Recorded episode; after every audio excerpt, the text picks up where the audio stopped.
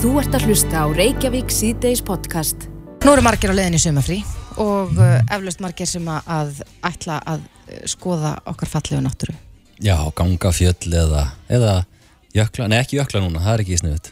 Suma jökla, það er alveg hægt að Aha. skoða einhverja jökultungur eins og sólum jökul og svona. Já, já. Ég fór svona á hérna Kanallasnjúk Já, í svona setni kantinum já, og ég man bara eftir því að gætin horfði þegar kom upp að brekkunni þar sem hún sérð jökulinn eða svona mhm, þá sagði hann, já hérna, ég hef aldrei séð svona mikið að sprungum ó, hvað með góður. en fórum samt upp Já, en í línum og bara svona tilbúin að takast á við allt. Já, já, já, já. En það er nefnilega málið að, að búnaður er allt þegar Mhm. kemur að útivist og, og uh, við kannski verðum að venjast í hér, hér á landi að maður þarf að eiga góðan reykjaka, Mhm. eitthvað sem að hrindi frá sér vatni.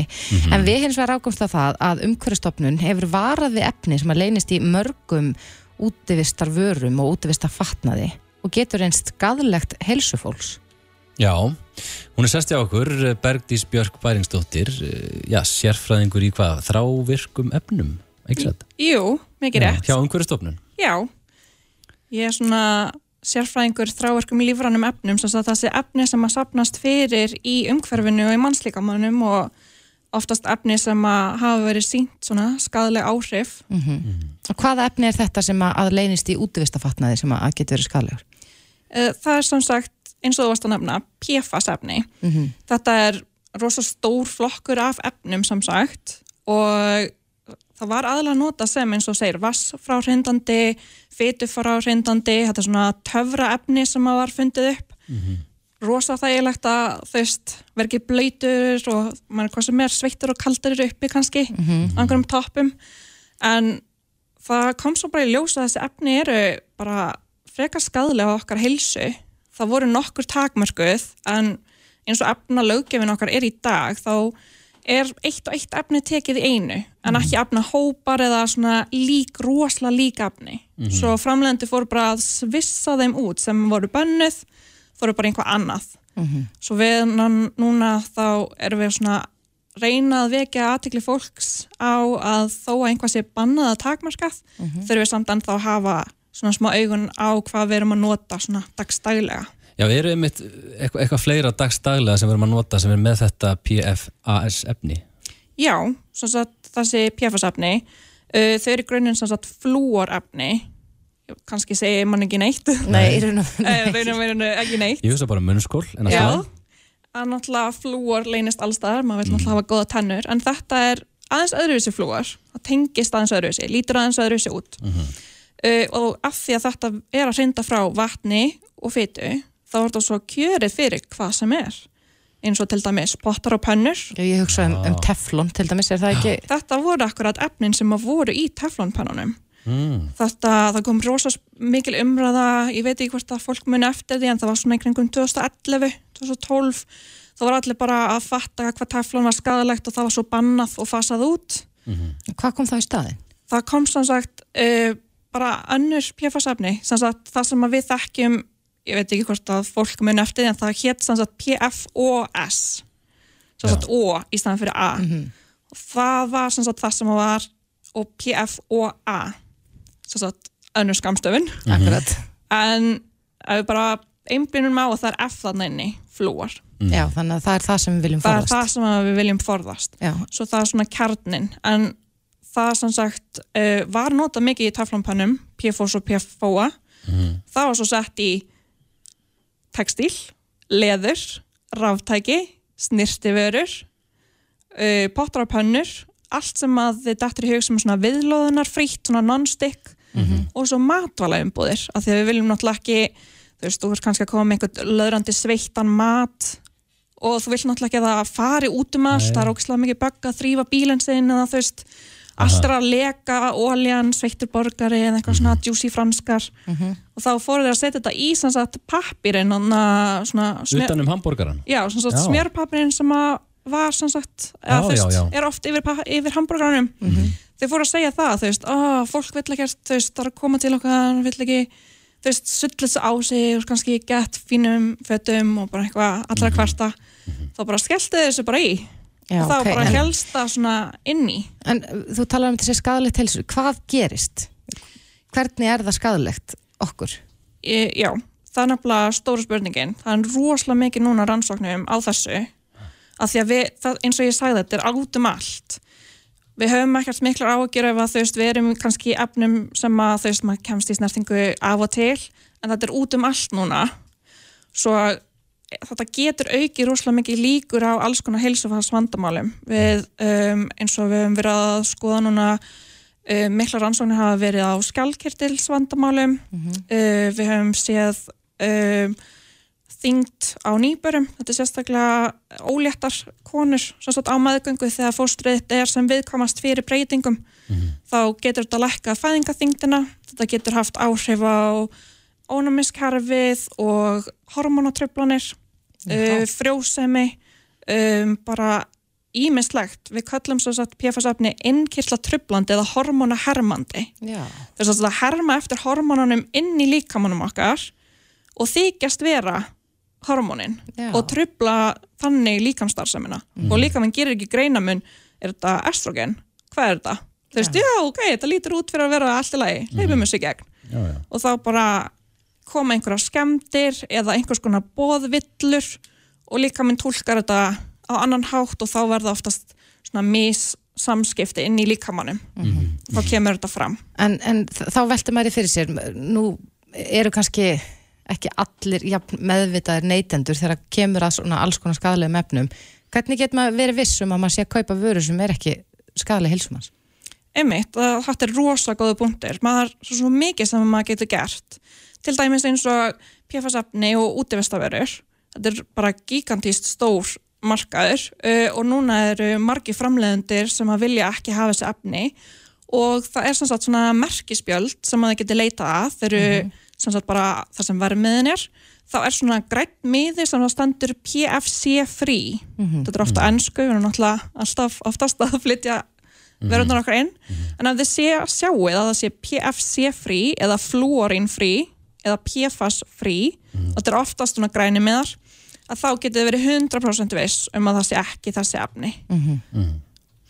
En bara svona almennt, eru, nú hefur maður auðvitað heyrt um já, svansvottanir og ýmislegt þannig, er, ma- ef maður er að kaupa til með svansvottaða vöru, veit maður þá að það eru engin slík efni? Já, algjörlega. Uh, svansmerkið stendur sem sagt fyrir að vera umhverfismerki og það tekur út, jafnvel þó að ekki efnin sé ekki takmarkaða bönnuð, þau líta á núverandi rannsóknir og eru bara með nánast atvinnulífinu í að skoða hvað er í gangi og banna eða takmarka áður en takmarkanar í löggjöfinni koma. Já. Svo ef þið eru að veist, kaupa svansmert þá vitið þið 100% að það er ekki hormonaraskandi efni, ekki ónæmisvaldandi og ekkert sem að er vitað allavega að sé að trubla. Svo þetta er svona go to move, Já. Er eitthvað annað sem neytandi getur gert? Uh, vissulega, er mitt leitað þessum merkjum en, en hvað ég á á fæ bara svona jakki gjöf eða eitthvað get ég, get ég þrifið þetta af eða er, er, er, hvað getur maður gert? Það er náttúrulega alltaf best, það er gullin regla að þið fáið nýjar vörur inn á heimilið, hvort sem það er þú veist, húsgagn eða ráftæki eða eitthvað, þú veist, að reyna aðeins að lofta um þetta oftast finnur maður svona lykt af þú veist, eins og nýju plasti eða nýjum vörum. Þá er þessi lykt að gefa til kynna að það eru ansi mörg efni í þessu, svo það er mjög gott að lofta vel um þang til að hægt að finna lyktina. Oftast er þetta þú veist nokkrir dagar, tveir, þrýr dagar bara fínt. Og þrýfa það. Það er mjög gott að þú veist bara þrýfa það henda í þottaviluna bara aðeins að viðra og þrýfa þetta. Mestmægnis fer en það er náttúrulega ekki alltaf hægt að ná öllu en bara svona aðeins að, já, bara að þrýfa gera eitthvað. lofta vel, Já. já, þetta Já. er alltaf hana smá svona smá sem er hægt að gera Akkurat, en þú sagðir hérna áður en við byrjuðum í viðtalinu, þá sagðir að þú var oft svona leiðilega típan í partíinu sem var alltaf að benda á alls konar efni og eitthvað. E- Er, eru við bara almennt sem neytendur ekki sérstaklega vel áttuð á svona efnum sem geta haft skadalega áhrif á heilsu okkar? mm, hinga til hefur umræðan ekkert verið sérstaklega mikil en ég er allavega í vinnunum minni hef ég séð rosalega mikið áhuga að vera að kvikna núna. Það er um, umhverfstofnun var að koma út með TikTok. Já, og við erum núna að reyna að miðla sem mestu, við erum að reyna að ná til sem flest fólks. Já, um, svo ég, þetta er bara að standast bara allar okkar væntingar, við viljum náttúrulega bara að þessar, þú veist þetta sé sem aðgengilegast sem fyrir flesta. Við náttúrulega erum svo vön því að grípi henduleikan og þægileikan og viljum veist gott góðar vörur og svona. Já, já. En þú veist, hvað er í þeim? Það er aldrei, mér finnst aldrei talað um það. Nei, þú veist maður oft bara, já, plast, já, örplast. Fólk veit, þú veist, já, einnota plast, já við viljum ekki það að því að þú veist, við erum að minga sjóin okkar, það er að fara í lífurutnar þú veist, við höfum séð allar þessar ljótar myndir og þannig, en hvað um öll efnin sem er bætt inn í plastið eins og plast er oftast mjög hart. Þú veist, þessi efni sem er að gera það til að mýkja plastið. Eins og þau hugsaðum, veist, bara einhvað mjúka uh, popsocket eða eitthvað þannig. Já. þú veist, hvað er verið að setja í það til að mýkja það veist, Það vant- eru skadlega efni. Já, það vantar þess að, mér finnst pínu vanta þetta, en þetta er að koma rosalega núna mjög mikil áhugi. Já. Við erum að reyna svona poppa þetta upp á síðan okkar og fá svona, Ég hlakka til að Á- kíkja á TikTok-reikningin ykkar. Ég, ég hugsa að það, það væri... Hvað er TikTok-reikningurinn? herðu, umhverfistofnin. Hann er bara Það er bara umhverfistofnin. Og þarna er þið svolítið að höfða til yngri kynslaðurnar. Við erum að reyna það. Við vinnum með stórkurslegu fólki sem að datta þetta í hug að allir væri að segja að Facebook væri döitt og eitthvað. Og ég er bara eitthvað, ok gott Já. að vita Mhm. og þá bara, já, TikTok, akkur er reynum við það ekki Já. og það er alls konar fróðleiksmúlar að detta þar inn Já. svo bara, Það verður áhugavert að skoða það. En Bergdís Björk Bæringsdóttir, sérfræðingur í þrávirkum efnum hjá umhverfstofnun. Kærar þakkir fyrir komuna. takk kærlega fyrir mig Þú ert að hlusta á Reykjavík síðdeis podcast. Ég sé það svona í kringum með að það eru mjög margir leiðin til útlanda. Já, enda, enda er sumar og sumar frí.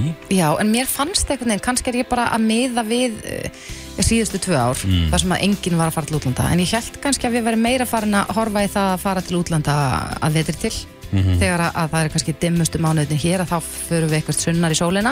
En það er mjög margir að fara í sólina núna. Já, og bara allstaðar. Það er bara víða um Evrópu og Bandaríkjana og, og hvaðina. Hann sestur í okkur, Svali Kaldalóns, Já, góðan daginn, gaman að sjá kentur við Tenerife. Já, stundum. Hvernig er þetta á tenni núna? Eru Íslandika mikið að fara til tenni á þessum ástíma eða erum við aðalega í, í vetrar og páskaferðum? Og... Sko, þetta hefur yfirleitt alltaf verið þannig að það er lang flestir á vetuna. en, en það hefur ekki alltaf verið þannig. Það var meira um ferðalög Íslendinga bara á sumrin og ástæðan fyrir því er að, að hérna fyrir, við þurfum ekki að fara meira en kannski svona tíu ár tilbaka og það var bara megnið af öllu frambóði í, til Sólanda bara sumrin, það var ekkert verið að stíla inn á veturinn nema bara mögulega að fara til skiljið. Akkurat. En síðan breytist þetta hægt og rólega og núna er alltaf að aukast þessi meðvöndum að já, fyrir til tennir á sumri til líka, ekki bara vetur og sumarið í sumar er, er sem sagt, mest sóta sumar Íslendinga til Tenerife frá því að þeir fóru að fara til Tenerife Og það er út af COVID. Já, ég held það. Ég ég hef ekki hugmynd um það en ég, mér grunar að sé bara ok, hérna þú veist það er mikið að fóröldarnir fóru í vetur þú veist, ekki smá frí, bara ú, ég komst Já. út og núna eru það að fara með börnin og ég meina þegar börn, það er ótrúlega auðvelt að vera með krakkaðar og það er reyndar alltaf í sól saman hvort þú fer til Alicante eða hvert þú fer bara að þú ert í góðu veðri og það er sundlu það er lífið bara einfalt. En ein pæling með Tenerife, uh, hvenar var þetta eitthvað svona hitt á Íslandi? Þú Veist, þetta hefur náttúrulega verið lengi bara ferðamanna eiga. Já, samt ekki sko Er það ekki? Ég, sko, hún, Hversu lengi? sko, ef að fyrir söguna Já, ég verða að vera í söguna sko. Sko, eh, það er talað um að ef maður er að reykja söguna svona hvenar fyrstu túristarnir komið og má segja að hafi verið ferðamaður, það er 1856 Já, já. þá komu menn uh, sérst, ríkir einstaklingar að meilandi Evrópi í svona hálgera kvildarennlögn og voru þá norðan megin og eiginni og samangildum Gran Canari svo þróast það þannig að Gran Canari verður mikið starri og vinsætli áfangastæður ferðamanna heldur en Tenerife. Vegna þess að þar er byggðin mest sunnan megin og það var betra veður. En á Tenerife er hún mest norðan megin eða var. Og reynda flestir búðar en það dag í dag. En það var ekkert sunnan megin á eiginni 1970 þá byrjaði að byggja upp svona þennan klasa. Eða hugmyndin kemur upp um að gera ferðamanna innan í söðrunni að veruleika það var svolítið erfitt á þessum tíma því að það var Franco allsræðand á Spáni og hann var náttúrulega, svo margir vita, bara einræðisera og algjör villisingur sko.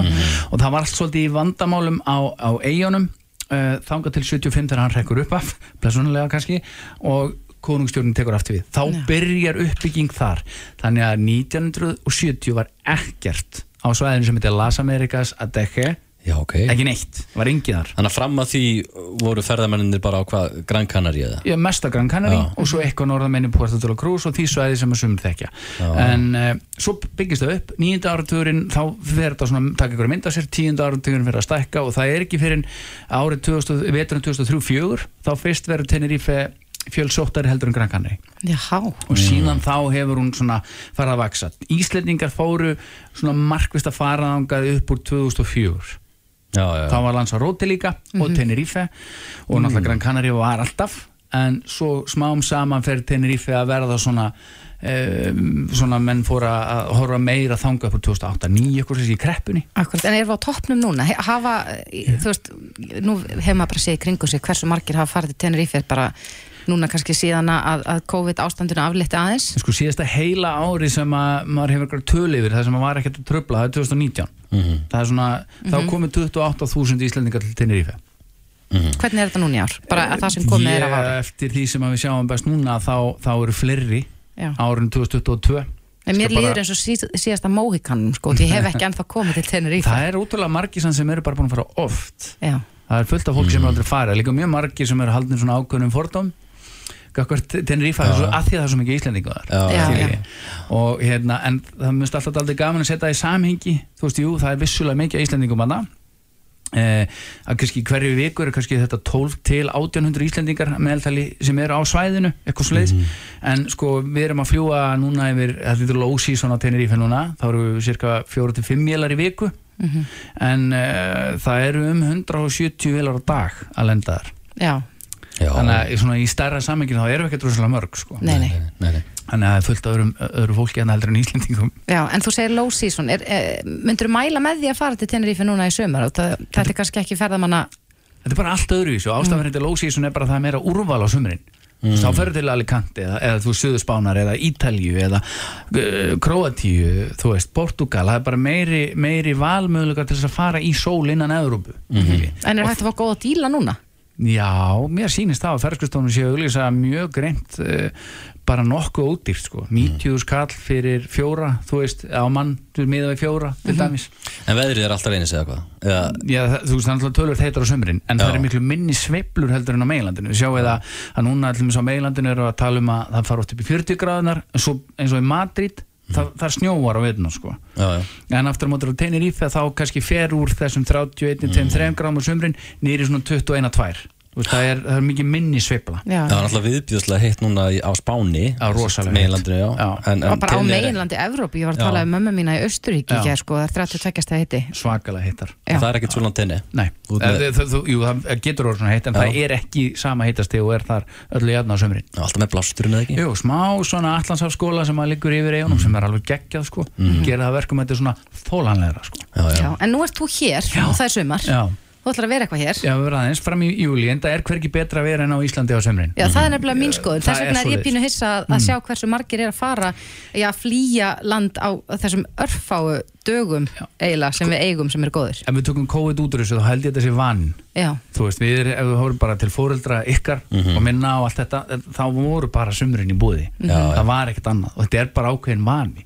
Fara út og það er rosa gaman að koma til þú veit, þú fer til Spánar eða Ítali og koma inn að yfirgengilega hitta og það er svona minn, allan þegar ég var krakki þá fannst mér í minningunum svo geggja að koma í þetta umhverfi sko. já, já, já. og ég held að það sé líka bara ríkt í okkur. Þetta er svona ákveðin vani mm Já. það er ekki allir en hins vegar þetta hefur breyst. Já, maður hefur séð þetta er að breytast. Það, ég menna að þið, þið, það, er, það er ófært út úr borginu um helgar sko, það er svo mikil trafík. Það er allir að fara eitthvað út á land og það eiga allir aftan í og agn eða tjald eða eitthvað, Já. skilur það er alltaf að aukast, þannig að ég held að þetta dreifist nú nokkuð mm, betur heldur en áður sko. En þú sjálfur, hefur þú bara farið núna til tenni til Íslands fram og tilbaka síðustu árið eða eitthvað? Já, eiginlega, ég, við, þegar við fluttum út þá vissum við, ok, nú ætlum við að vera dölur að ferðast um heimina, það er auðvitað að ferðast það Já. bara Afríku og fara til Grænhöðæja og kannski Suður Ameríku beint flug og ekkert vesen. Er ekki búin að vera neitt?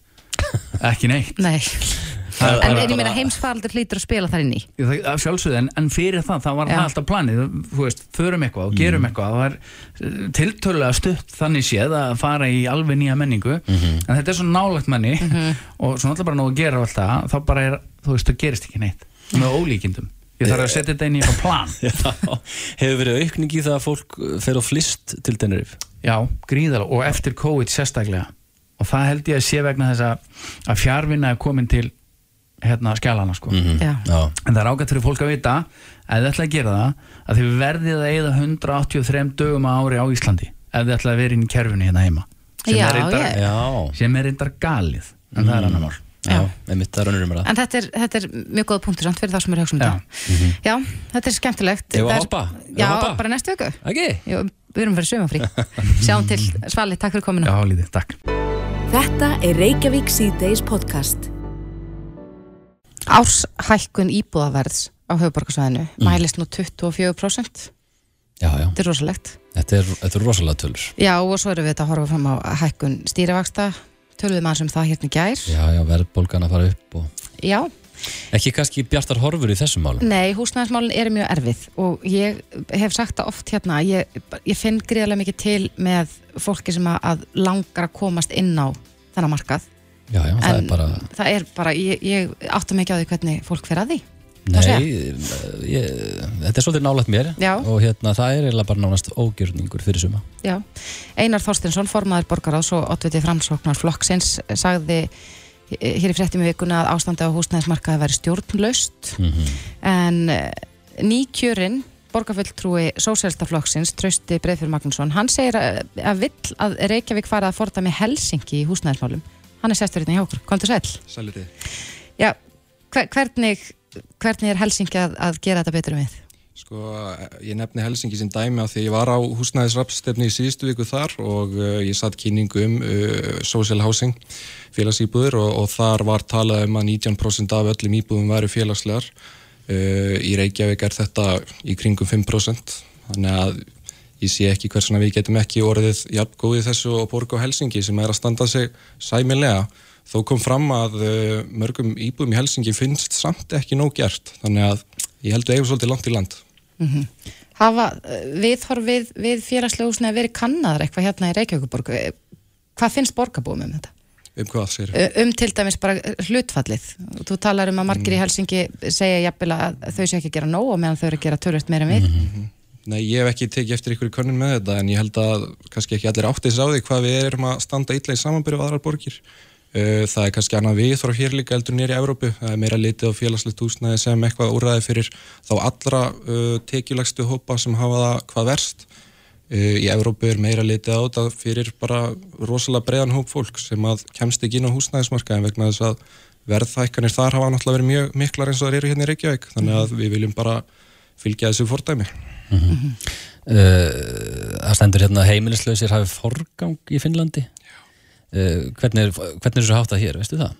Sko, ég veit að uh, í Helsingi þá er þau með stefnu sem heitir Housing First og hún gengur út á það að fyrir árið 2027 þá var ég búið að útrýma heimilisleysi. Þetta er eina landið í heiminum, eh, eina landið í Evrópu það sem að heimilisleysi fyrir minkandi og þau gera það þannig með því að öllum sem búa á götun er búið húsnaði, uh, engin skilir er fylgja því heldur, þú þarft ekki að fara í meðferð, þú þarft ekki að fylgja einhverjum ákveðnum kvöðum.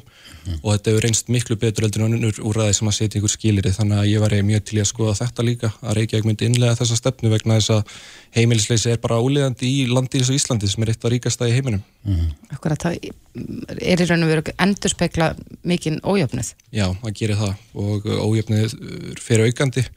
uh, og ég, ég vil meina að það sé ekki nóg að hugsa bara þannig að við eigum bara byggja, byggja, byggja. Við þurfum líka að setja ákveðin skilir á þessar uh, uppsópanir á eignum sem er eiga sér stað. Við sjáum að frá árinu 2005 þá hefur tæplega 70% af uh, eignum verið keftar af lögaðalum sem eiga fleiri en eina.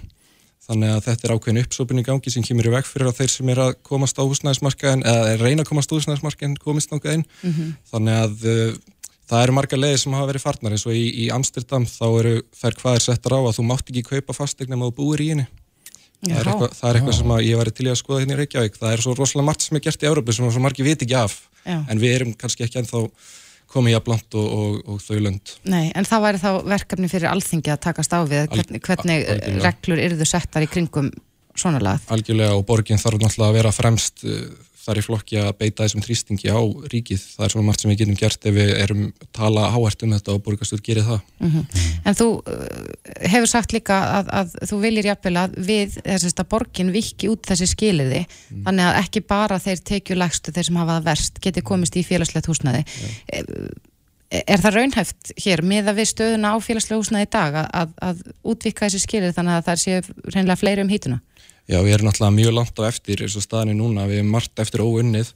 Uh, Helsingi, borgin sjálf á 50.000 uh, félagslegar íbúðir sem hún rekur sjálf, við erum hérna með 3.000 þannig að til þess að komast á sama stað á Helsingi þá þurfum þetta að vera 10.000 íbúðir. Þannig að það er stór áttak til að ná að komast á sama stað og Helsingi áður en að við förum síðan að matla á þeim hraða sem að Helsingi gerir, þau halda sig við 2.000 félagsíbúður á ári þú veist þannig að þetta kemur svona jæmt og þétt að þau eru meðan grunn undir, við erum bara ekki með nóg stóran grunn undir, grunn undir þannig að við þurftum að fara í stór átak bara með ríkinu og fá eitthvað auka framla líka í þessu. Og ég vona bara að, að uh, samtali millir borgarinnar og ríkisins eflis með það vegna þess að það, það, það þarf eitthvað stórt að gerast að því að við erum bara á, ó, ykkur óbáðlegu ástandi hérna og þetta er alveg stjórnlust, ég tek alveg undir það.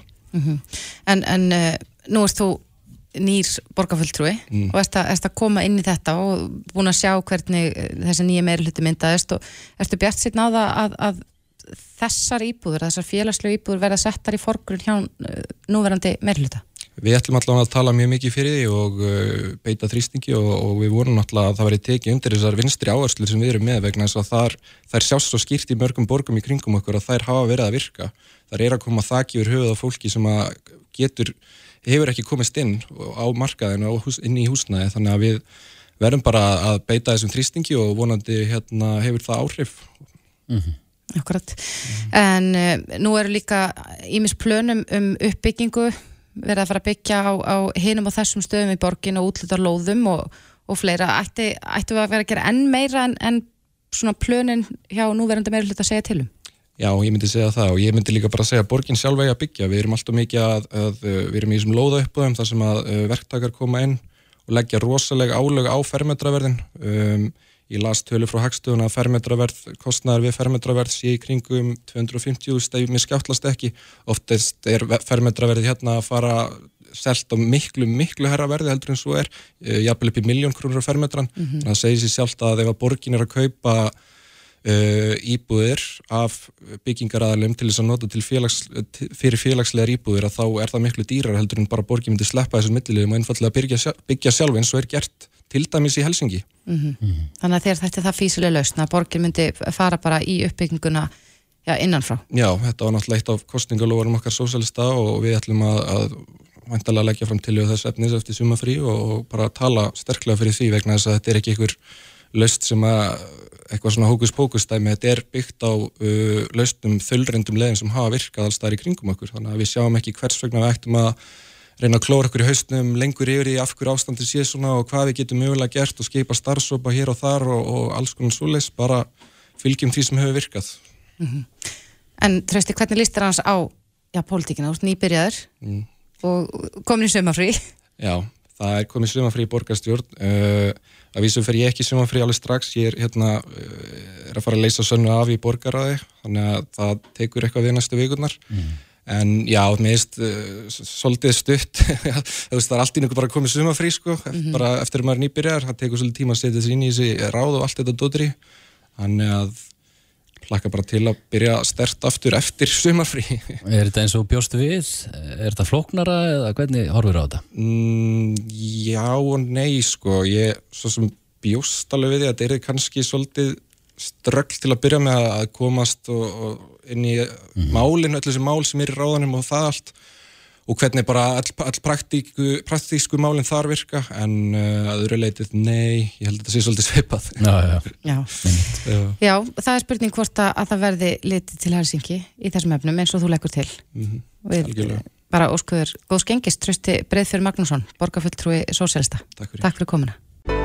Þetta er Reykjavík C-Days podcast. Það er komið að uh, nýjum og glæsilegum dagskraflið. Já, sumarlegum, er það ekki? Ég myndi segja að hann var pínu sumarlegur Já. hann, uh, hann heitir Sumarplanið. Já. Þú ert komið plön í sumar, eða svona óljóst plön. nei, ég er ekkert svona, ekkert fast sko. Ætlaði að vera ekki farið eitthvað í sumarbústað og, og eitthvað sko. Jú, ég er búin að plana hérna Vestlurumhelgina, já, já Já, já. Ég er nefnilega með lítilplön fyrir sumarfríð, þannig að, að ég ætla að nýta mér þennan dagskrálið, sumarplanið og svolítið að hlera aðra. Hvað ætlar fólk að gera í sumar? Og kannski að stela einhverjum hugmyndum. Já, þetta er, þetta er fyrir þjóðina, þessi dagskrálið Já. En fyrsti gesturinn í sumarplaninu er engin annar en Friðrik Ómar Hjörleifsson, komdu sæl og þú ert svo sumarlegur. Já, takk fyrir það. Í gulu Ég- peysunni? Já, já, hvað að skipta um fött þegar ég var að leiðninga. Er það ekki? Jú, ég gerði það nefnilega. Komið Hvernig- heima og fór í gulu peysuna. Hvernig líður þér í dag? Mér liði bara mjög vel. Smá þunnur en allt í lagi. Já, þetta er ekki um mikil þinga nei, nei, nei. Eh, Þú veist, þetta, maður jafnast, þetta jafnast einhvern veginn út svona vel í á daginn. Það var erfitt í morgun. Var Skal við fjör- viðurkenna fjör í það. gær? Já, það var svona óvænt. Það var smá svona að vera að halda upp á vissa hluti og hann er hérna, já, já, eins og Ég- gengur. Teka eftir því að þú líka aðeins djúbræðari Já, það er nefnilega það sem gerist líka í kjálfarið. en það er, er það ekki bara sexy í útvarpinu? Jú, jú, það er geggjað sko. Uh, Sumari á þér. Uh, Ég ger alltaf ráð fyrir það að þú sért víða að gigga Já, sko, ég er nefnilega búin að vera samt í sumafríi núna í þrjár vikur. Já. Sem var ákveðið með svolítið löngu fyrirvara. Uh, Ég ætlaði að fara til Bali í einhverja heilsumeðferð og hérna, Nú? svo bara netti ég ekki. Og í staðin eftir þunnur hér. já, akkurat. Og hérna, ég hefði kannski betur átt að fara en, en, en nei, ég fekk einhverja svona tilfinningu, sko, ég átti að gera svolítið, hérna, dúklega heimil og svona. Og það er ótrúlega gott að vera í fríi og bara vera bara heima hjá sér. Vera ekki okkur flakki því að hérna, reyndar heilsum meðfyrin kannski hefði verið allt í lagi komið fesku tilbaka en maður kemur oft þreyttur úr fríum þekkið þið það ekki? Jú, Jú, jú, jú. svona eftir hvað ert að gera en ég Já. ger ráð fyrir að vera í heilsumeðferð mm. að það sé kannski svona aðeins róleg dagskrá Já, en það hefði alltaf enda, sko, ég verið kannski tvær vikur og tekið síðustu vikuna okkur rosa staðar. Já. Já, já, Þá hefur það. komið þreyttur um. En Ég sko ég er líka svolítið þannig að- að ég verð líka bara svo þreytt eftir flug. Já. Þú ert að fljúa frá Bali, það eru bara að fara tveir dagar í að Akkurat. vera í þrýstingi og Já. borða McDonalds á leiðinni og... Já, já, ég fattaði þetta sem betur fyrir og hætti bara við Já. Mm. Svo getur þú bara að fara í hveragerði Já, ég, já, já, ég er náttúrulega búin að gera það núna í tvö sömur að hérna, þegar við Jakkan fórum með þessa ringferð síðast í sömur um landið að að ég endaði bara í bæði skiptin bara á hótel Örk í viku sko, bara Já. að reyna að sofa eitthvað sko. Þannig að hérna, hérna, ég þekki það alveg sko eftir svona mikla rútinu og mikla vinnu. En það er einhvern veginn sko með sömarið, það fer allt einhvern veginn í rútinan hverfur og, og, og sömarið fer bara í töðunar á mér heila Nú, Já, mér finnst það bara ekkert rosalega skemmtilegt svona, þú veist, finnst, ég fíla ver, ég er meiri vetrarmaður, þessi byrta endalust og, og heit, mér finnst þetta ekki það skemmtilegt er ekki margir sem eru Nei. miklir vetramenn Nei. En er það kannski tengslum við, við bara þitt starf?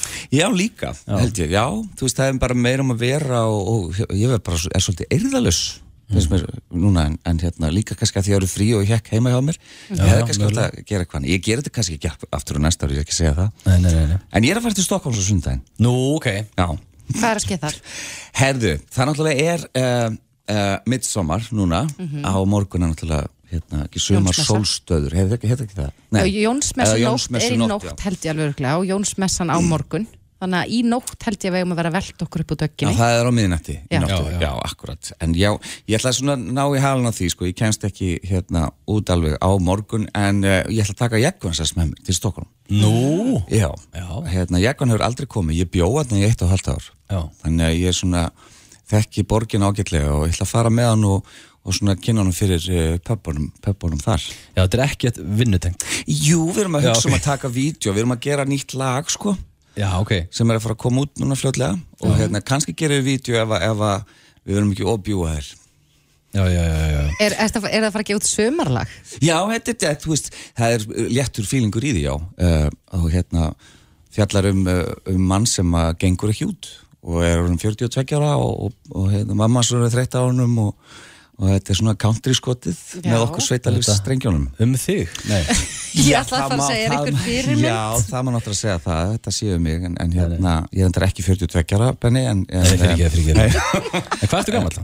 Ég, hérna, ég var færtur í fyrra, þannig ég verð fært 41 árs núna í oktober Já, það er alltaf stórum munur á því? Já, ég, ég ætla hann að samt ekki laga um það. Uh, En þetta, þetta er svona, ég laka mikið til að fara til Stokkólm Hafið þið komið til Stokkólm? Nei, Já, já.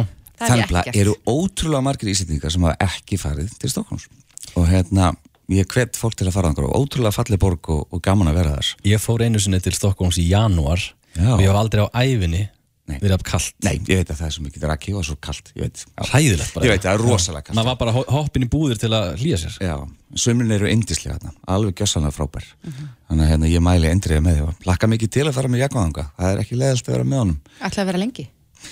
Við eh, held ég um bókað sérst, fjórar, fjórar, ef kom heim á 50 degi Já. Þannig að, þannig að já, þið getið hitt okkur á, á keflagu völl á sundarsmorgun en hvað getur maður gert í Stokkólmi? Úf, það er sko allavega í okkar tilfelli ætlum við náttúrulega bara svona að fara um og, og, og sittjast og, og, og horfa, horfa fólkið og menninguna og jú, ég meina það er ímislegt þetta að gera, fyrir náttúrulega í Abbasafni, ég verð að fara með henni í Abbasafni, það er ótrúlega gaman, ég er búin að koma þar áður en hann, sko, svo er náttúrulega það, það við verðum svolítið spontant ef ég þekki hann, ég var rétt, sko við gerum eitthvað skemmtilegt Talar á sænsku?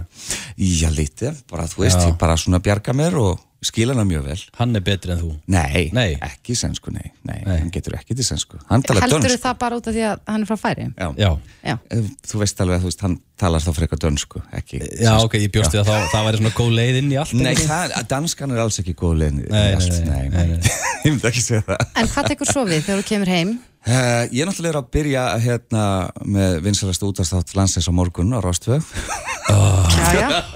Nei, við ræða Gunnars erum að fara í loftið og ég verð á Rástvö í sumar á já. Þannig við byrjum klukkan 12.42 á morgun og bara byrja ykkur endilega stillin Bla bla bla, bla. Það kom svona já. Nei, það verður gaman að rifja það líka upp Þannig að það er, ég er, er að syngja. Svo er ég bara, þú veist, þetta vænulega uh, útvarir og allt þetta sem að hérna, Já.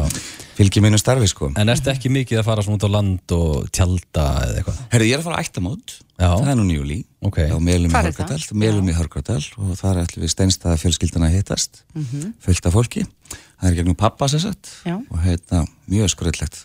Haukadalur er Eh, Hörgárdalur Hörgárdalur mm Já, keirir gegnum Öxnadalinn og svo er hann hérna vinstra megin já, já, er það í kringum Dalvík? Nei, þú veist, þú veist alveg hvað Öxnadals heiðin og það eru kernir í og allt Já, já, já, þetta sjálfsögða, sjálfsögða Ég er þaðan, og báðar mínar ættir sko, móður og föður.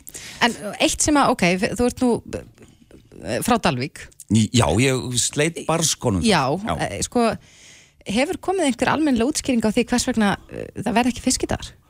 E, Já, ég held Það að það hefur bara verið stjórnin hafi ákveð, já, í, það er það sem að, að uh, þau gáðu út og hafa gert síðistlinn tvö ár, þau voru uh, búin að vera fyrsta hátið sem kanselara síðistlinn tvö ár sem er alltaf 15. apríl Mhm. og hérna þeir ákveða það núna 15. apríl að uh, því þá var COVID-ið einhvern veginn, þá lág Dalvík í COVID Já, svoleiðis. Hann er sko líka munurinn á sko fiskideginum og, og svo mörgum öðrum hátíðum á Íslandi að sá að það er ekki verið að selja inn. Þetta er ekki verið að fá, fá pening til þess að þú veist að eh, hérna halda upp í bænum en eitt þannig. Þannig að þessi ákvörðun er svo sem ekkit svo sem flókin þanniglega að skilja. Nei, nei. Fólk býður bara og, og svona er þetta matarhátíð það er verið að gefa öllum Íslandingum að borða og fólk er með grímur ennþá. Við sjáum það bara núna og við sjáum hvað er að gerast. Þetta er bara, við veitum ekki hvað er að fara að gerast á næstu vikum. Nei, nei Hann er að, að þetta er byggt líka á bara styrtar aðlum og yfir 200 styrtar aðlum sem koma að hátíðinu þá tölduður þetta rétt, ég er ekkert að segja þessi samanlegi Nei, sjálfur, nei, nei, nei. en ég bara er ekki stjórn fiskidagsins. Nei, en, Nei, en það þetta var bara smá innskott, ég var Já. bara búin að gleyma þessu. En þetta, þetta er náttúrulega árlega alltaf já, bara stærstu tónleikar ársins uh, Getur ekki bara gæst þetta einhverstaðar á öðrum vettfangi eða? Ringt í brim eða eitthvað? Nei, sko, þetta, sko málega tónleikarnir sem slíkir eru reynin ekki partur af fiskidagsháttíðinni, hún Nei, er alltaf nei, frá nei. 11 til 5 Já. svo t- bættu svona tónleikarnir við Já, fyrir mánu síðan þannig að það er náttúrulega verður ekki ef að fiskidagurinn sjálfur er ekki þá nei. ekki tónleikana en um, jú, ég veit náttúrulega bara maður saknar þess að gera þetta ekki og hérna, og það verður gaman að telja í aftur við náttúrulega erum ennþá að býja eftir að halda 20 ára amali fiskidagsins Og það er hérna- einhver sprengjan maður Já, það verður vonandi eitthvað eitthva mikið húlum hæ mm. En áttu þér uppbólt stað á landinu? Eila banna að segja Dalvík eða Hörgardalur? Já, ég skil Og Reykjavík. Uh, Já, það, sko, upp að hálstað ég, Ok, jú, Ásbyrgi finnst mér alltaf ótrúlega fallegt Mm. og magnað að vera þar Þannig að ég, skal, ég ætla bara að segja Ásbyrgi Og hefur oft komið þangað? ég, nei, jú, ég hef komið þar svolítið Jú, Já, jú, já. en ég man bara eftir því í, sérstaklega í æsku sko, að að fara þangað Það er ekkert landsýn að vera síðast og það er einhvern veginn sko allavega ég upplega þannig að minnst alltaf vera svo mikið veðurseldar og logn þegar mm. þarna, uh, stattur þarna inn í svona hvað kallast þetta Er þetta ekki hófurinn? Þetta er hófurinn, já, Hófurinn á eh. Sleipni Já, þetta er svo ríkalega flott Ég hef aldrei komað Nei, Ég fór í þarna þetta. fyrir sko, já, tveimur árum síðan. En það var svo rosalega mikil rigning og svo svakalega mikil rók að ég naut þess ekki mjög. Á ég skilji. Þannig að ég ætla að fara aftur betra verð, já, Já, þetta var alveg skelvilegt ég fór sko og keipti með pollaböksur inn á Húsavík. Bara til þess að geta farið í áspyrki þannig að ég ætla að gefa þess annars séns Já, ég myndi gera það, ekki spurning. En ætlar að vera í tjaldi á ættamótinu? Sko, ég er nefnilega ekki alveg búin að ákveða það. Ég er alveg tjald maður, sko. En auðvitað vill ég bara sofa. Ég fann áttum að því svona með aldrinum að ég þarf að sofa Ég hef ekkert sofið mikið um æfina Ég er ekki þekktu fyrir það. En ég, ætla, ég, ætla, ég er að reyna að bæta það og Ég ætla að sjá til hvort ég verði í hérna, hjólísi eða, eða tjaldvagni. Mér finnst það voða kósi Já, Mér finnst það mjög kósi Sérstaklega núna, þeir eru 5 gráður hérna fyrir norðan ekki? Já, já, já, eitthvað slis Það er óuleg kvöldi, við skulum vona að það lægist nú Já. næstu vikum Ha. En tökum þetta aðeins saman, þú ert að fara til Stokkólms Já, núna á sundaginn og svo ertu svolítið mikið að fara að vinna. Já, svo er ég að fara að vinna, svo ætla ég að fara með haustinu, þá mér finnst skemmtilega að ferðast þegar svona september, oktober, eitthvað svo leis svo janúar ég hef Útlönd. farið- já, Já. já, vera heima á sömurinn, mér finnst það Já, ég tek bara aldrei með. eitthvað gott. En maður hefur tök á því að fara út af veituna skiljaðlega fólk sem er með börn og allt þetta sko, en það er ekki mín tilviki ekki anþá allavega Þannig að uh, fyrir þá sem eru að hlusta og hafa ekki farið hvert þá? Hörgárdal, Hörgáttall, Ásbyrgi og Ásbyrgi Stokkólm og Stokkóms Já. Þetta eru fínar Dalvík. hugmyndir og náttúrulega Já, já, já. Hérna, og náttúrulega bara nýju skóaböðun og akkurýri, það er náttúrulega bara Já, það, frábært ég mun fara þangað Ég Já. hugsi ég fara bara þangað næstu helgi Hvar eru þau nákvæmlega á Akureyri? Bara, bara vala henni hinum með við það sem þú hérna, Göng, göngin eru. Ke, já, ke, já, Já. rétt á hann fyrir göngin sko, Já, í beginni og þetta er alveg ótrúlega fallegt og fellir svona velinni umhverja þetta, Mhm. mjög flott. Freirik Ómar Hjörlusson Kæra þakki fyrir komuna og bara, ég vona að sömarið verði þér gæfuríkt. Takk fyrir það og sömu leiðis Reykjavík síðdeis á Bilginni podcast.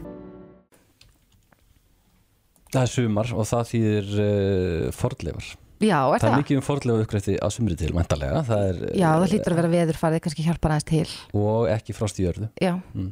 Það hlýtur að gera það. er bara, já, mega sens við erum auðvitað búin að heyra já, ímislegt að fordleifa upp uh, greftri, Mhm. til dæmis á Otta á Rangurvöllum Mér finnst það mjög spennandi. Já, það verið að grafa upp uh, já, einhverja hella, eða helli þar. Já, og, og einhver bein líka Hesta og hundabein Já, já, eitthvað meira hvað það þýði, ég veit það ekki alveg hún er sest hjá okkur í dag, Kristborg Þórsdóttir forðlega fræðingur, kom til sæl komið sæl.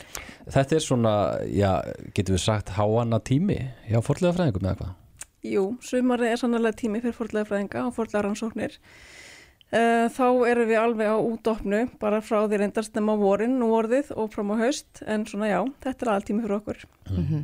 segð okkur aðeins frá Otta, þú ert nýkomin þaðan eða ekki? Jú, ég er nýkomin þaðan, um, blessunarlega á leiðin í frí eftir það.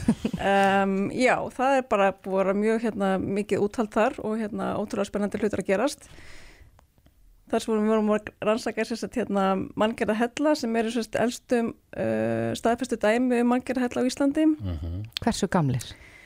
Um, svona út frá gjóskulögum þá um, er þessi mannverki sem við erum að skoða núna um, frá því um miðja tíundu öld og til svona um 1100 um, þannig að já, þannig að það er hérna þannig að þetta er bara svona vikingaldatímin sem er svolítið svona áhugavert mér fundist það svolítið áhugavert að þannig erum við að bæta við svona þekkingu á sko húsakosti og verkþekkingu uh, vikingaldar uh, Já, þannig að það er svolítið svona áhugavert eða svona ný viðbót við þann tíma. En þessi hellir, uh, þetta var ekki, var ekki búið í þessum helli eða hvað? Nei, það hefur komið ljós og hérna, það er kannski verið búið í festum á þessum hellum, en þá náttúrulega vitum við náttúrulega bara fyrir lítið um, um hellana, sérstaklega náttúrulega frá elstu tíð, en þessi helli sem við vorum að rannsaka og er þá þetta bara elsta mannvirki, elsta hús á Íslandi sem er ennþá bara með þæki, um, hann hefur notað fyrir skeppnur uh, og þar er bara svona þykk bara golf með svona lífrænu efni sem hefur varfist mjög vel, sem að gefa til kynna að þarna hafi dýr hafst við, þarna sjáum við bara mjög greinilega uh, leifar á hegi og Uh, hérna, viðarleifar og allt mögulegt sem hérna hefur varðvist óvinni góð varðvistla í hellinum hérna, á svona lífröðunleifum um, og en engin ummerki um að, um að fólk hafi hafst viðar en þetta er auðvitað bara svona lítill ángi af þessu kerfi, þessu hellakerfi sem er hérna í otta þannig að um, og eini hlutin sem er uppistandandi, aðri hluta þess hafa hrunið um, en það getur vel verið ef að fengum fáum pening til að halda áfram að rannsaka þarna, þá komur ljós að fólk hafi líka verið búið í hluta af þessu hellakerfi. En hvernig komistu að því að, að þið ætlaði að grafa þarna upp? Já, það eru sko það eru mjög afgerandi ummerki og yfirborði um uh, risastóra hella sem hafa hrunið. Það eru svona mjög langar ílangar dældir hérna í, um, í túnunni hérna í Otta sem er, geta ekki verið náttúrulegar og fólk hefur svona haft þessa hugmyndi lengi um að þarna hafa séu hrundir hellar. Mm -hmm. svo er til uh, elstaði með heimild sem getur um manngerð hella á Íslandi, hún er frá Otta er frá 1199 sem er hjartinabók Þólags Helga Biskups og þar er getið að nauta hellir Otta hafi hrunið. Um, þannig og fólk hefur lengi talið að hann hafi verið með þarna þar sem þessi e, greinilu ummerki eru um þarna hella um, við höfum ekkert náða að staðfesta það ennþá en ég hef samt uh, grunum að hann hafi verið þarna í þessu kerfi. Mm -hmm.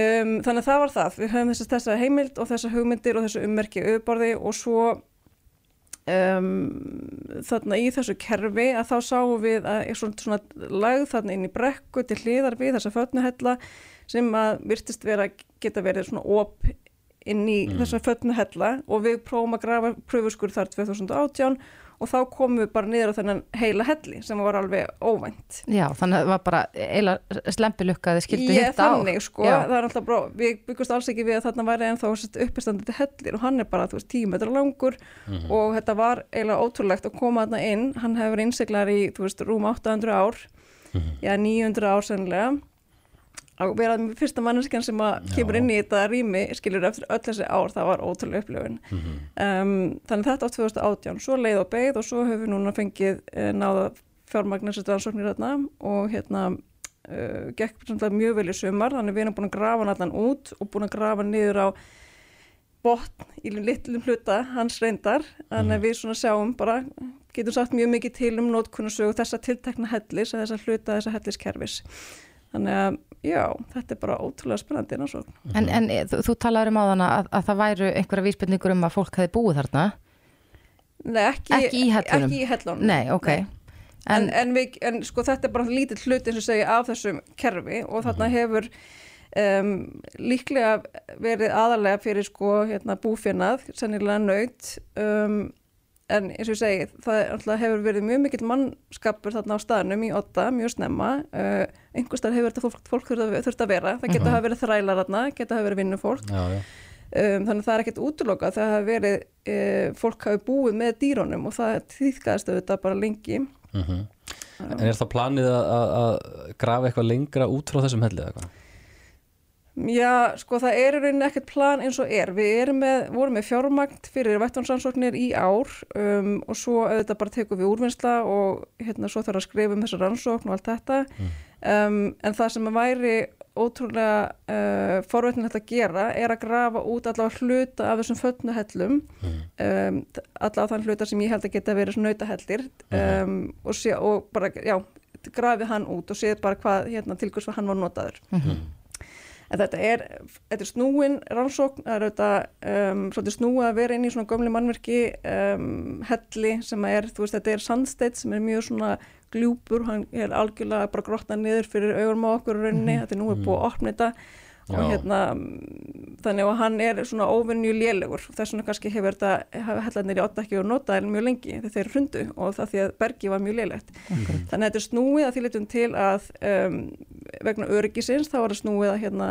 að tryggja það, mm -hmm. sérst fyrir okkur sem erum að vinna þarna, en svo er þetta líka náttúrulega niðurgræða mannvirki þannig að það þarf að grafa óbústa mikið magna og jarðvegi ofan af þessu til þess að komast að minjónum sjálfum sem mm -hmm. er sérst gólögin og það sem er inni mm -hmm. í hellunum Það, og það kostar líka mjög mikið pinning þannig að, já, já. þannig að þetta er svona bara aðeins snúið. En við hérna, ætlum bara að sjá aðeins hvað við getum gert. Við munum alltaf að reyna að fá meira fjármang til að halda áfram þarna. Þetta er alveg, þetta er einstaka minjar. Já, er eitthvað hægt að út frá ykkar rannsóknum er hægt að koma staði hver bjóða til?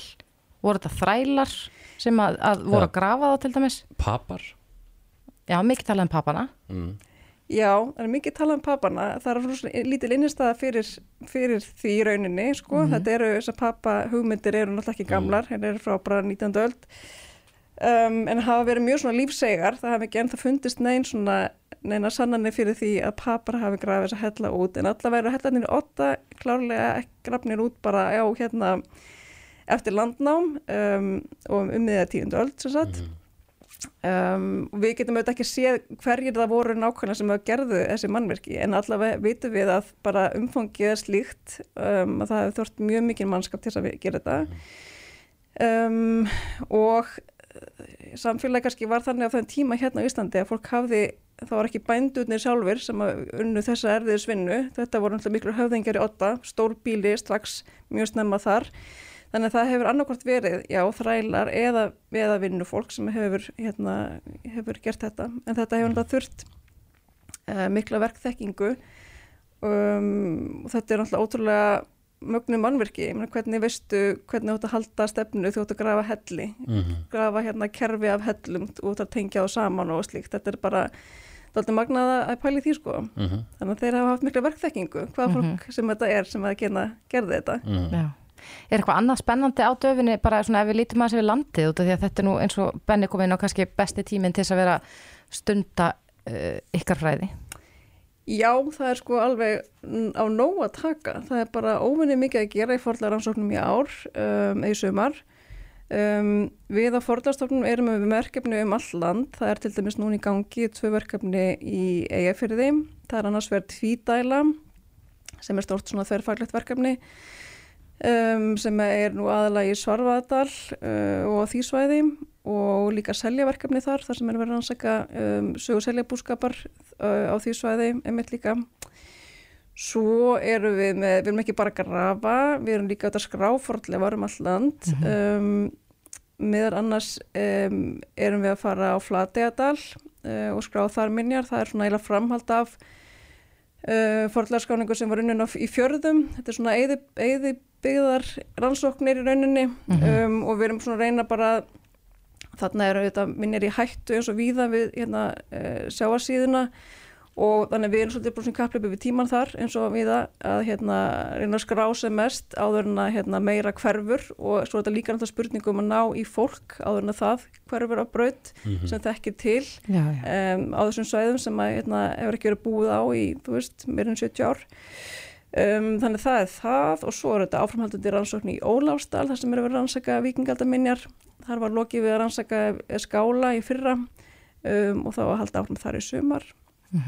Og það er bara ótalmart þá að fara í Faguri á Breiðafyrði skáfarallega var þar. Um, Nó að gerast já, það er Já. bara nóg að gerast. Það er sko ekki hægt að segja annað. En þú ert fegin að vera að fara í sumarfrí? Já, þetta er svona vera já, mikið þetta búið að vera mikið törn hann í otta þannig Já. að það er bara ágætt í að fá smá pásum en svo bara kem ég hérna alveg tvíald tilbaka Er það ekki? Kristborg Þórsdóttir, forðlega fræðingur, kæra þakki fyrir komuna og segja okkur frá þessu. Takk fyrir mig Hlustaðu hvena sem er á Reykjavík C-Days podcast. Ég er frekar leiði við því að uh, ég er ekki að fara að hlaupa í kvöld. Hlaup í kvöld bara að hlaupa Ég er bara ekki að fara að hlaupa neitt en ég Nei, væri nei. til í að vera, fara að taka þátt í, í miðnættur hlaupi Suzuki sem að fer fram hérna í lögadalunum í kvöld. Af hverju þetta ekki að taka þátt í? Ég bara þarf að vera heima að svæfa börnum mín. Já, já, Klukkan þarna að gera það Já, maður þarf vist að gera það. En í fyrra nefnilega tók ég þátt og ég sló persónlegt met. Ég hlaupa 10 km. Já, vel gert Takk. Ég er ekkert að hlaupa Nei, kannski bara, Illt í hælunum, mástu? já, æjæj, með svona hælspora. Nei, reyndar ekki en, en, en eitthvað er að honum Eitthvað er að hælnum. En hún er sest hjá okkur, Silja Úlfarsdóttir, samskiptastjóri IBR. Jöp. Kom til sæl. Hæ, hæ. Já, þetta er, er já, mjög skemmtileg hlaup. Ég hef tekið þátt í þessu áður og það er mikil stemning í kringum þetta. Hlaupið að kvöldi til. Já, svona hlaupi eh, fram til, eða til miðnættis í raun og veru. Vi, Mhm. Við hérna, eigum vonaði að einhverju hlaupar verði að, uh, alveg til miðnættis. Við erum sem sagt, þetta verður svolítið partíhlaup í kvöld. Það bæði vegi ótrúlega gott eða úti og á að ligna í kvöld sem betur fer. Og fullt af bjór, nei Eh, Nei, er Nei, er ölgerðin er metri ekki hjá Já, okkur já, já. og við verðum sem sagt bjóðum upp á sundlegapartí fyrir hlaupara og hérna um, það sem að DJ Danny Sæberg hann sér um uppbytun og ætla svo að færi sig yfir í sundlegina og, og Mm. spila smá partítónlist í lögutaslaug og við okkur finnst þetta svolítið skemmtilegt Mm -hmm. og ölgerðin verður með kara af einhverjum drikkimanna fyrir, fyrir hlauparana um, við erum með þrjárvegulendir 5, 10 og 21 og þetta byrja klukka 9 í kvöld þannig að þetta er alveg kvöldlaup um, og það er ennþá hægt að skrá sig það er hægt að skrá Já. sig á staðnum Er það nýjung? um, Nei, það var þannig fyrir hana, þess að hana, hana veiru hana Mhm. það var það alltaf þannig þannig að hérna, já, þannig að fólk getur mætt alveg til nýju í kvöld og bara skrá sig á staðnum og tekið þátt í þessu partíi með okkur. En þetta er, þetta hlaup er svona alveg pínu þekkt fyrir það ekki að, að fólk sé svolítið að bæta uh, bæta sig, Jú, þetta er bara frábær braut þægileg braut. Jú, bara stemning sko og það sem við kannski gerum öðru sér líka núna er að að við viljum að þetta sé meiri svona hvað ég segja, svona bara partíhlaup. Þannig að við erum með tónlist á öllum drikkjastöðunum og einmitt DJ í byrjun og, og hérna góða stemning í lokin og svona þannig að þetta á að vera svona góð kvöldstund með vinnu sínum og fjölskyldu. En það er líka bara ímislegt annað framundan. Ætla kannski einu svona fara þangað alveg strax. Mér langar líka að spyrja út í í fyrra, þetta, það voru takmarkanir og, og búið að vera svolítið kannski erfitt að vera að halda svona viðburði síðastliðin tvö ár, en uh, hvernig er það núna? Er mikið af, af erlendum keppundum að taka þátt? Herði, við erum með alveg 50% eru erlendi keppindur og okkur finnst það bara mjög skemmtilegt og, og miðnátturhlaupi hefur alltaf verið bara fleiri erlendir keppindur heldur en íslenskir. Þannig að ég er svona, við erum svona, "Ah, ok, við erum að nálgast svona gamla hverju- góða Af hverju er það? Er það bara Ég bara, út af þessu konsepti, miðnætur? já, ég held það sko, bara þú veist, í Reykjavík og, og hlaupa kvöldi til og, og það er alveg sko, þú veist, það er stó, 30 manna hópur að koma frá bandaríkjunum og er að fara, koma þessum tíma sérstaklega til þess að taka þátt meðal annars í þessu Já. hlaupu sko. Já, En það er, já, það er alveg 50% af erlendum hlaupurum að koma til landsins og bara þú veist 200 bandaríkjamenn, 100 brettar og, og svo bara svona alls konar tíningur hér og þar sko. hvað eru margir að taka þátt? Um, við reiknum með að þetta verður svona 1500 manns í fyrra hlaupu eitthvað um 700 en þú veist og það var alveg svona sögulega fátt sko. Já, Þannig að við erum rosa ánað að það sé svona mikil aukning, það er 100% aukning allavega. Akkurat á milli ára. Á milli ára og svo getur fólk ennþá skráð sig í kvöld. Þannig að hérna, vonandi bara bætist ennþá við og, og hérna, bara fleiri bæta sig og, og þetta verður bara dundur fyrir kvöld. Er þetta að skrá sig bara í sundið? Þú með þinn, þinn halsbúra getur náttúrulega bara sko, hérna, 5 km leiðin fyrir fram hjá sundlöginni þannig að þú getur náttúrulega Já. bara lagt af stað og farið svo í sund Gæti haldrað 5 kílómetra? já, Já, já. eða bara þú veist, tvo farið í sund Já, já, já, ég gæti það. Já. en það er fá sem sagt frítt í sund náttúrulega með að sína hlaupanúmerið Já, Ah, þannig að maður getur svo bara skráð sig, fengið hlaupunumir, mhm. skellt sér í sund Í rauninni, já. Er það því mér svo spennandi að vera í sundi eh, alveg til klukkan kortur í eitt nóttina? En það er sko, sem sagt, uh, þú veist, aðstandendur og svona eru auðvitað velkomin líka. Mhm. já. En uh, hins vegar þá er, er líka fórhættin að vita eru flestir að hlaupa 10, 5, 21 km hvaða vegalendir er vinsalust Um, sko, 10 og 5 er bara svolítið svipað í ár og það eru aðeins færri í hérna, 21, annars skiptist þetta alveg ágætlega jaft. Til að byrja með voru fleiri skráðir í hálft sko og svo er greinlega núna fólk bara, að ég ætla að vera með geggja veðun alltaf, sem ég skil mjög vel að þeim langi að taka Þetta hefði verið verra í gerkvöldi Já, það hefur verið skellir. Ég sagði alveg, ég fór út að hlaupa í gerð og ég sagði, vá, þetta hefði verið vesen sko. Já, en, en Silja, núna framundan er þetta líka laugaverslaupi sem er mikið Já. rætt um og, og það eru þetta bara færri alltaf á hverja ári sem komast aðein vilja. Hvenar fer það fram? Það fyrir fram 16. júli og við erum bara á bara steipinum að, hérna, að græja það allt og, og gera allt klárt fyrir það og það er mikill spenningu líka fyrir það. Og svo náttúrulega erum við líka á fullu í hérna, Reykjavíkumarathonu og hérna, Það mun fara fram í ár. það, oh my god, já, það fer fram í ár og við erum ekkert smá spennt og við erum með alls konar svona um, hluti sem við ætlum aðeins bara púsa til og, og gera aðeins betur og, og svo er svolítið gaman með uh, skemmtiskokki, það verður alltaf verið þrýr kilometrar og svo hefur verið sem sagt, svona barnahlaup, eitthvað 600 metrar en núna erum við með bara skemmtiskokk og það er sem sagt þrýr kilometrar gamla leiðin en það er líka hægt að stytta sér leið fyrir þá sem vilja hlaupa aðeins styttra Já, já, já. kannski fyrir þá sem erum aðeins styttri fætur Já, Akkurat. já, já, einmitt. Þannig Já. að þarna, já, við erum bara, mér liður bara eins og ég sé alltaf plana partí, sko. Já, en það hefur gengið frekar illa þetta að plana partí undanfarn ár, þannig að Herðu, er þetta síðan svona alveg uppsöfnu þörf. Já, heldur betur maður, síðan ég byrjaði hjá IBR þá eru 50-50 að halda viðbur og þeim, sko. Já, Þannig að hérna, en núna er þetta frá og við erum bara ótrúlega peppuð og við erum ótrúlega spennt bara fyrir þessi hlaupa sumri. já, Og það hefur verið, sko, ég hef svolítið séð að það er svona minni þáttaka í flest og ég held að sé náttúrulega út af því að fólk er bara hreinlega ellendis eða bara er off frambóð þannig að við allan í minnættalöpunum við erum alveg ofbáslega ána að sjá svona mikla aukningu hjá okkur milli ára sko. Já. Já, Benni, þú skellir í sund. Ég skelli mér í sund. Ég fylgist með úr fjarlægt. Já, já, já. og það er hægt að skrá sig mætastæðin alveg til svona rétt fyrir nýju það er kannski gott að vera tímalega Það er ræs nýju. Já, nýju er hérna 10.21 og 5 km byrja klukkan kortur yfir og við reiknum með fyrstu hlaupurum bara 20.30 sko. Gekkja. Já, Silja Úlfarsdóttir, kæra þakki fyrir komuna. Takk fyrir. Reykjavík síðdeis á Bilginni podcast.